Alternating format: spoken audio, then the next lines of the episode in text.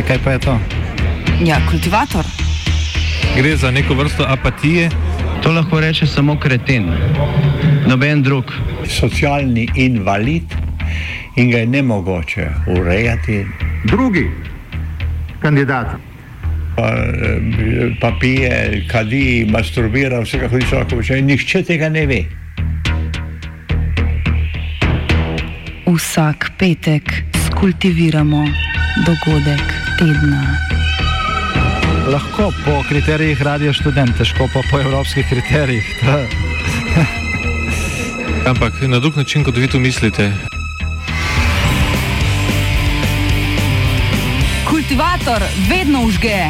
da pač nekdo sploh omenja probleme, ki so in da pravzaprav sploh nekdo sproži dogajanje uh, v družbi. To drži, drži. Avinacija. Letalska industrija je med tistimi, ki jih je epidemija koronavirusa najhuje prizadela. Ne le prizadela, temveč tako rekoč skoraj docela izničila. Aprila 2020 je v Evropi tedensko povprečje števila letov v primerjavi z enakim obdobjem pred epidemijo padlo za slabih 90 odstotkov, ta teden pa padec znaša le dobrih 64 odstotkov. Situacijo nam hitro riše generalni sekretar Zveze turističnih agencij Slovenije Mišo Mrvaljevič. Ja, poglejte, od propada nacionalnega letalskega prevoznika smo se znašli v Sloveniji v situaciji, ko imamo samo nekaj povezav s svetom. COVID je dodatno poskrbel za to, da so se te povezave decimirale in trenutno smo v stanju, kot da smo leta 1921. Število potnikov na letališču Jožeta Pučnika se je zmanjšalo še mnogo bolj kot na drugih primerljivih letališčih v regiji. Ljubljansko letališče je imelo na primer v letošnjem februarju manj kot 7 odstotkov števila potnikov prejšnjih let. Zagrebško letališče je imelo na primer 17 odstotkov števila potnikov, ki jih je imelo v februarju 2017. Stanje največjega letališča v Sloveniji nam predstavi hrvaški letalski analitik Alen Ščuric. Pa stanje u Ljubljani je trenutno tragično i katastrofalno. Dakle, Ljubljana je tijekom zime imala samo e, sedam tjednih letova, znači jedan dnevno, a bilo je dana, recimo utorak, sredu, četvrtak, kad nije imala niti jedan jedini let. Sad zamislite poslovne ljude, dijasporu ili bilo kog drugog ko treba doći u Ljubljanu, onda vi tri dana nemate ni jedan let, a i kad imate let pa vam je on ne znam u 20 sati na večer, to vam baš puno i neće pomoći. To znači da je većina putnika ipak morala putovati iz Venecije, Beča ili Zagreba, i samim time gubit e, vrijeme i gubit novac. I tu moram priznati da imamo dva faktora koji su vrlo loši. Prvi je bankrot Adrije, E, da se nije desio bankrot Adrije, onda bi Adrija ipak letjela određenu količinu letova koji sigurno ne bi bio zanemariv, kao što to čini jer Srbija u Beogradu i Croatia Airlines u Zagrebu. E, drugi je Fraport koji se stvarno nimalo nije potrudio da dovede neke druge kompanije na bilo koji način, već je samo od države ubrao ogroman novac e, koji mu je država pokrila gubitke koje je imao zbog nedostatka letova. ta logika baš i ne drži vodu, ne vidim nekog smisla u tome da se plaća aerodrom na kojem radnici ne rade ništa, umjesto da se daje novac da kompanije na taj aerodrom lete. Meni, da sta za takšne pogoje najbolj zaslužna tako slovenska vlada kot novi lastnik letališča, torej nemška družba Fraport. Ma tu je apsolutno kriva slovenska vlast. Morate priznati da se slovenska vlast jako nesnašla u zadnjih par godina u avioprometu. E, drugi problem je Fraport, znači dati aerodrom Ljubljana u vlasništvo Fraportu e, i smatralo se da se postavio dobar potez. Ljubljana je istinski jedini aerodrom u Sloveniji i on je ekstremno bitan strateški resurs Slovenije. E, dati ga koncesionaru je već upitna stvar, ali dati ga u vlasništvo je još više upitna. I onda vidite evo što je Fraport napravio od preuzimanja E, on je daleko zaostajao za regijom dok su ostali imali između 10 i 20 novih linija svake godine. Fraport je sve zajedno od kad je preuzeo aerodrom imao tek četiri nove linije. E, što je stvarno smiješno. U to vrijeme drugi aerodromi su imali po 30-40 novih linija. Samim time tome nam govori zapravo koliko je Fraportu Ljubljana nebitna i koliko sam više koncentriran na svoje daleko veće aerodrome koje ima u portfelju, a Ljubljanu radi samo uz put i to je velika pogreška slovenske vlasti. Primerjava drži. Danes ima letališče Jožeta Pučnika pet prihodov in štiri odhode, letališče v Podgorici pa ima danes kar deset prihodov in prav toliko odhodov. Močno zmanjšan obseg letov je ob epidemiji COVID-19 prizadel tudi turistično industrijo. O tem smo se pogovarjali s sekretarjem Mrvaljevičem. COVID je naredil svoje in noben od nas ne ve, kaj bi bilo zdaj, če ne bi bilo COVID-a. to, kar letalske povezave se pač vzpostavljajo na osnovi povpraševanja. In neko povpraševanje za Slovenijo vse čas obstaja, ne? treba samo doseči kritično maso, ki polni neko letalo skozi neko tedensko frekvenco, zato da se prevoznikom splača tako povezavo vzdrževati. Tako da Ljubljana ima zagotovo potencial za milijon pa pol do milijon 800 tisoč potnikov letno, kar je recimo vsaj desetkrat toliko, kolikor se zdaj ta trenutek prepelje. Seveda je pa dejstvo, da turizem prinese pa čarterske in ostale polete. Tako da, če gledamo iz stališča potencijala, ne potencijala za Slovenijo, je vsaj 3,5 do 4 milijone na letni ravni. Uh, trenutno pa seveda nacionalni prevoznik pomeni to, da je nekdo, ki ima svojo bazo v letališču, odkudar leti, hote ali ne hote, prisiljen v komercialno akcijo, zato da se ta letala polnijo. Tuji prevozniki pa niso prisiljeni leteti nikamor, razen povezovati domačega letališča in je zato ta interes veliko manjši. Tako da vprašanje je malce bolj kompleksno, ni posebno enostavno. Je Airways ali pa nacionalni prevoznik bi bil za Slovenijo verjetno dober, je pa pač vprašanje volje, politične, gospodarske in pa tudi razumevanje, da čisto vsak subjekt v turistični verigi ne more biti visoko donosen. Ne? Vsekakor pa ne bi smel prinašati zgube. 4, Ena možnost je ustanovitev nove družbe, tako rekoč Air Slovenija, za katero obstaja več zainteresirancev, ščurici Horiše. Pa tri su nekakva kandidata koja su pokazala interes. Prvi je Solinar, to je kargo kompanija koja je bila slovenska kompanija, sad je u vlasništvu jedne turske velike kargo kompanije i njezina prednost je što je na tržištu, što zna operirati avionima, njezin veliki nedostatak je što nikada nije operirala redovne putničke linije. Ona je kargo prijevoznik i nema imić i nema reputaciju s kojom može e, odmah recimo ući u neke alijanse, asocijacije, potpisati kočer ugovore. E, tako da ona ima svojih pluseva i, ne, i minuseva. Drugi je gospodin Rastudar, dakle vaš kralj banana, e, e, e Slovena crnogorskog porijekla koji je iskazao veliku želju pa čak i kupio e, EOC Adri Airways i on je i mene kontaktirao, mi smo bili jedno e, vrijeme doslovce ono online Ove, I on je stvarno imao veliku želju da pokrene kompaniju e, i pritom je dosta racionalno gledao na stvari, jednostavno privatni kapital. Gdje je to stalo, ja ne znam. On, dakle, sada je definitivno, pa rekao bi čak i odustao od te ideje, jer više nema komunikacije. Ovaj, ali on misli da bi on bio dobra opcija poglavito što je to čovjek koji je vrlo bogat, e, koji ima dovoljno kapitala da to napravi, a i koji je mogao, obzirom na svoju reputaciju i vezu Crnoj Gori čak i spojiti recimo e, osnivanje ili suosnivanje nove kompanije u Crnoj Gori, pa onda kompanije u Sloveniji plus kompanije u Crnoj Gori, to bi bila, vjerujte mi, dobitna kombinacija i to bi mogla biti broj jedan kompanija u cijeloj regiji. I na koncu tu vam je Croatia Airlines koja je izrazila želju da bazira jedan do dva aviona u Ljubljani i da pokrene letove. E, što bi Slovenija dobila sa time? Dobila bi nažalost kompaniju koja je loše vođena, e, čiji menadžment je smak svijeta i koja stvarno ne vidi dalje odnosa i ne koristi ni jednu svoju nišu ili priliku. E, ali ta kompanija ima i nekih svojih prednosti, a ta je da je ona u Star Alliance dakle automatski bi se dobili ugovori i sa Lufthansom i sa Austrijanom i sa Swissom i sa Bruselsom, e, a koji jesu ipak ogromno mega tržište Slovenije, dakle nekih cirka 70% svih putnika idu prema tim zračnim lukama. Tu se sada u zadnje vrijeme spominje Air Srbija, ali mislim da to nije racionalno. Rješenje je jer Srbija ne može otvoriti kompaniju u Sloveniji, e, pošto nije e, iz države koja je članica Europske unije. Eno od pasti, v katero bi se lahko ujeli ob ustanovitvi Air Slovenija, je ista kot ta, v kateri se je znašel projekt razširitve Mariborskega letališča. Pa gledajte, stvar je vrlo jednostavna. U Mariboru je vlast digla novac Europske unije da izgradi novi potpuno nepotreban terminal. Terminal kakav je bio u Mariboru je mogao služiti još godinama, čak i da su se doveli low cost carrieri u Maribor, a što je to nisu. I onda je napravljen novi terminal i onda vas Europska unija pritišće da taj novi terminal morate početi operirati, jer ako to ne činite morate vratiti novac. I onda su oni navrat nanos tražili što sada napraviti i to je bio jedan ishitren potez, jer trebalo je i prije nego što se uzeo taj novac i napravio taj blještavi terminal za 600 tisuća putnika na aerodromu koji nije imao niti 10 tisuća putnika u tom momentu, ovi trebalo je o tome razmišljati ranije. I sad traži se netko i onda vam se dođu vam, što mi kažemo Luftbrenzeri ili ljudi koji stvarno su dno dna i ponude sad bajkovite planove.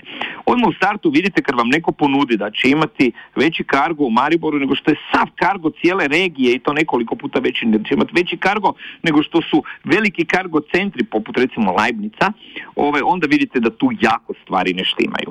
A onda kad vam taj isti ponudi kaže da će imati tri širokotrupca i preko 20 aviona, dakle bitno više nego što ima e, u tom momentu nego što je imala Adria i Croatia zajedno, onda kažete no ovo je totalno ludilo. I onda vam te isti kaže da će investirati 600 miliona u novi terminal i proširenje stanke, piste i tako dalje, i ovaj, a to je duplo više, odnosno pardon, tri puta više nego što je Zagreb investirao u Gans novi terminal, e onda već stvarno kažete gle ovo jako smrdi. E sad kad još uz to znate backup tih ljudi, pa znate da su to ljudi koji su bili u zatvoru zbog radi mita, korupcije, ucjena e, i, i, i reketarenja, i znate da iza sebe imaju pet kompanija koje su u roku od godinu dana bankrotirale u zrakoplovstvu, onda vam je jasno da to nema budućnosti, da se ti ljudi nisu promijenili, nego da su to neki ljudi koji ilu, ili peru novac ili muljare na neki drugi način.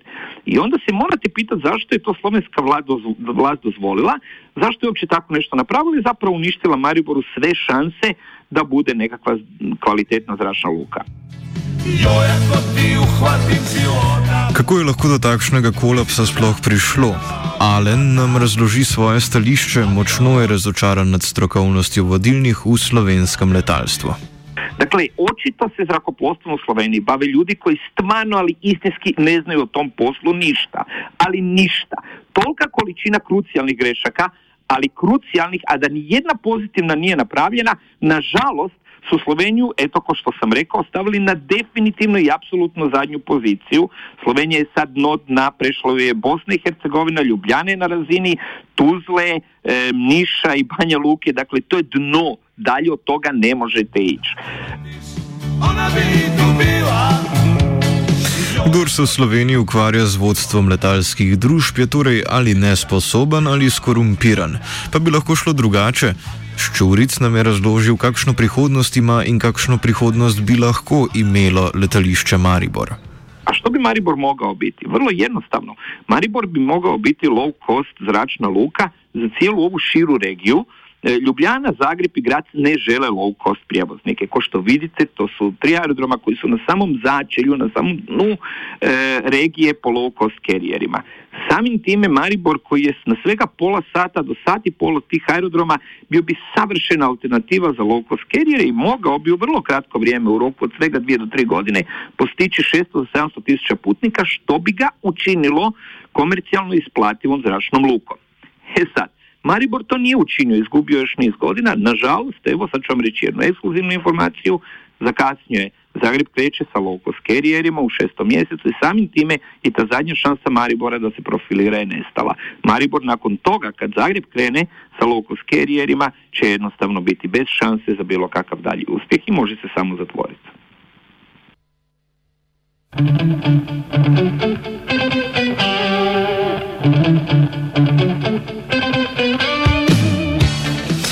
Slovensko javnost je pred dobrim mesecem presenetila izjava trboveljskega pilota, nekdanjega kapetana in inštruktorja Adrije, Blaža Berdnika, da ustanavlja novo letalsko družbo Southeast Airlines. Ukvarjali bi se predvsem s charter leti, zaradi koronavirusa, ki je letalsko industrijo prizadel kakor grom, je namreč prišlo do razcveta majhnih letalskih start-upov. Ščuric nam pove malo več aviona trenutno u covidu imate brdo nekakvih start-upova, brdo kompanija koje se žele pokrenuti. ja sam u jednom momentu prestao čak i pisati o tim kompanijama i ne pišem više o njima jer ih je toliko puno a od njih stotinu najavljenih 95 se nikad neće pokrenut, a onih pet će vrlo brzo bankrotirati, možda će jedna ili dvije uspjeti.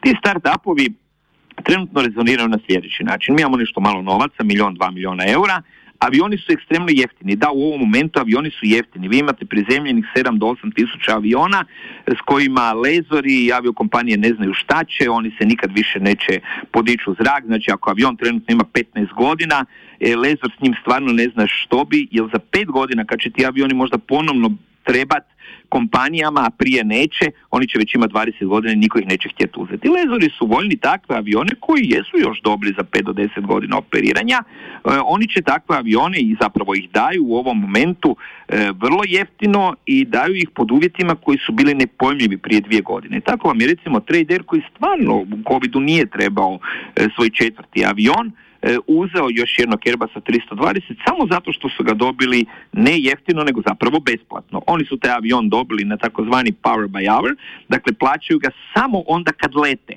onog momenta kad ti taj avion na zemlji ne plaćaju ga niti centa. I onda su oni s tim avionom ove zime imali par letova kad je bila navala i zaradili su novac. Jer svaki put kad su letili platili su nešto air kapu. za pet godina će taj avion oni moći otkupiti po vrlo povoljnim uvjetima i to je savršen dil, bolji ne možete imati. E sad, mase tih start-upova u Hrvatskoj se trenutno otvaraju dvije kompanije u Crnoj Gori, jedna evo u Sloveniji jedna, koje sad misle da mogu zbog toga što su avioni vrlo jeftini E, pokrenuti nešto i dići neke novce. Ova kompanija konkretno puca na charter tržište, odnosno leisure tržište i ona neće biti kompanija koja će letiti redovne letove.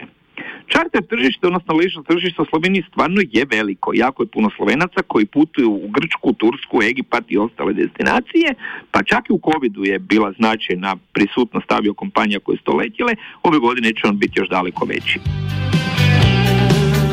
Adrija je torej propadla, Maribor bo propadel, Ljubljana gre po podobni poti. Slovenska vlada pa se bolj kot za letalski sektor zanima za videoposnetke, ki jih premije pošilja Evropskemu parlamentu. Če se bo stanje slovenskega letalstva po koronakrizi nadaljevalo po starem, bomo verjetno še naprej leteli iz Trsta, Zagreba in Benetk. Bo pa vsaj go opti lepo zaslužil. Jo, kultivator sta spisala vajenec Srdžan in kopilot Piru. Vajenec Srdžan in kopilot Koruza.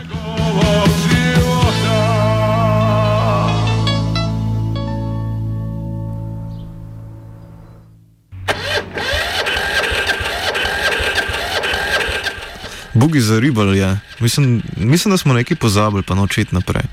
A šta je bilo sa ljudima? Da, to je nažalost nešto što niko ovaj, nikad ne razmišlja, oni su samo brojka, jel, mi govorimo o 400 ljudi koji su stvarno ostali na cesti. I sad vi imate situaciju gdje bi ti ljudi inače u normalnim okolnostima se jako lako zaposlili, poglavito piloti, ali i kabinci, pa i mehaničari na line maintenance bi se jako lako zaposlili, ali nažalost došao je COVID pa se ti ljudi nisu mogli baš tako lako zaposliti.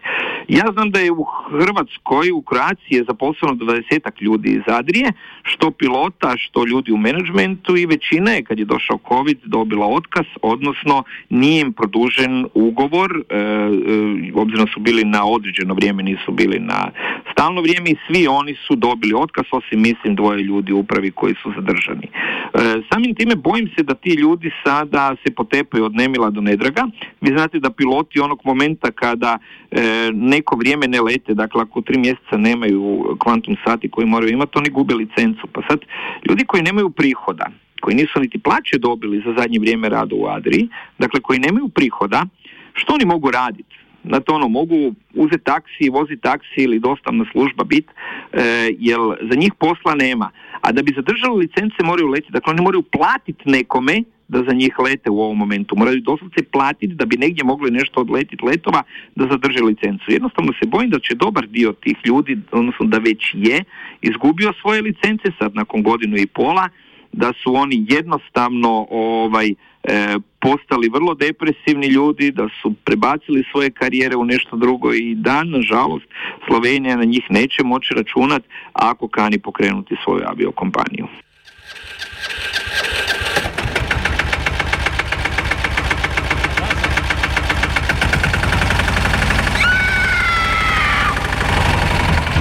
E, kaj pa je to? Ja, kultivator. Gre za neko vrsto apatije. To lahko reče samo kreten, noben drug. Socialni invalid in ga je ne mogoče urejati. Drugi kandidat. Pa, eh, pa pije, kadi, masturbira, vse kako ti človek počne. Nihče tega ne ve. Vsak petek skultiviramo dogodek tedna. Lahko po kriterijih radio študent, težko pa po evropskih kriterijih. Ampak na drug način, kot vi to mislite. Kultivator vedno užge. Da pač nekdo sploh omenja probleme, ki so, in da pravzaprav sploh nekdo sproži dogajanje uh, v družbi. To drži, drži,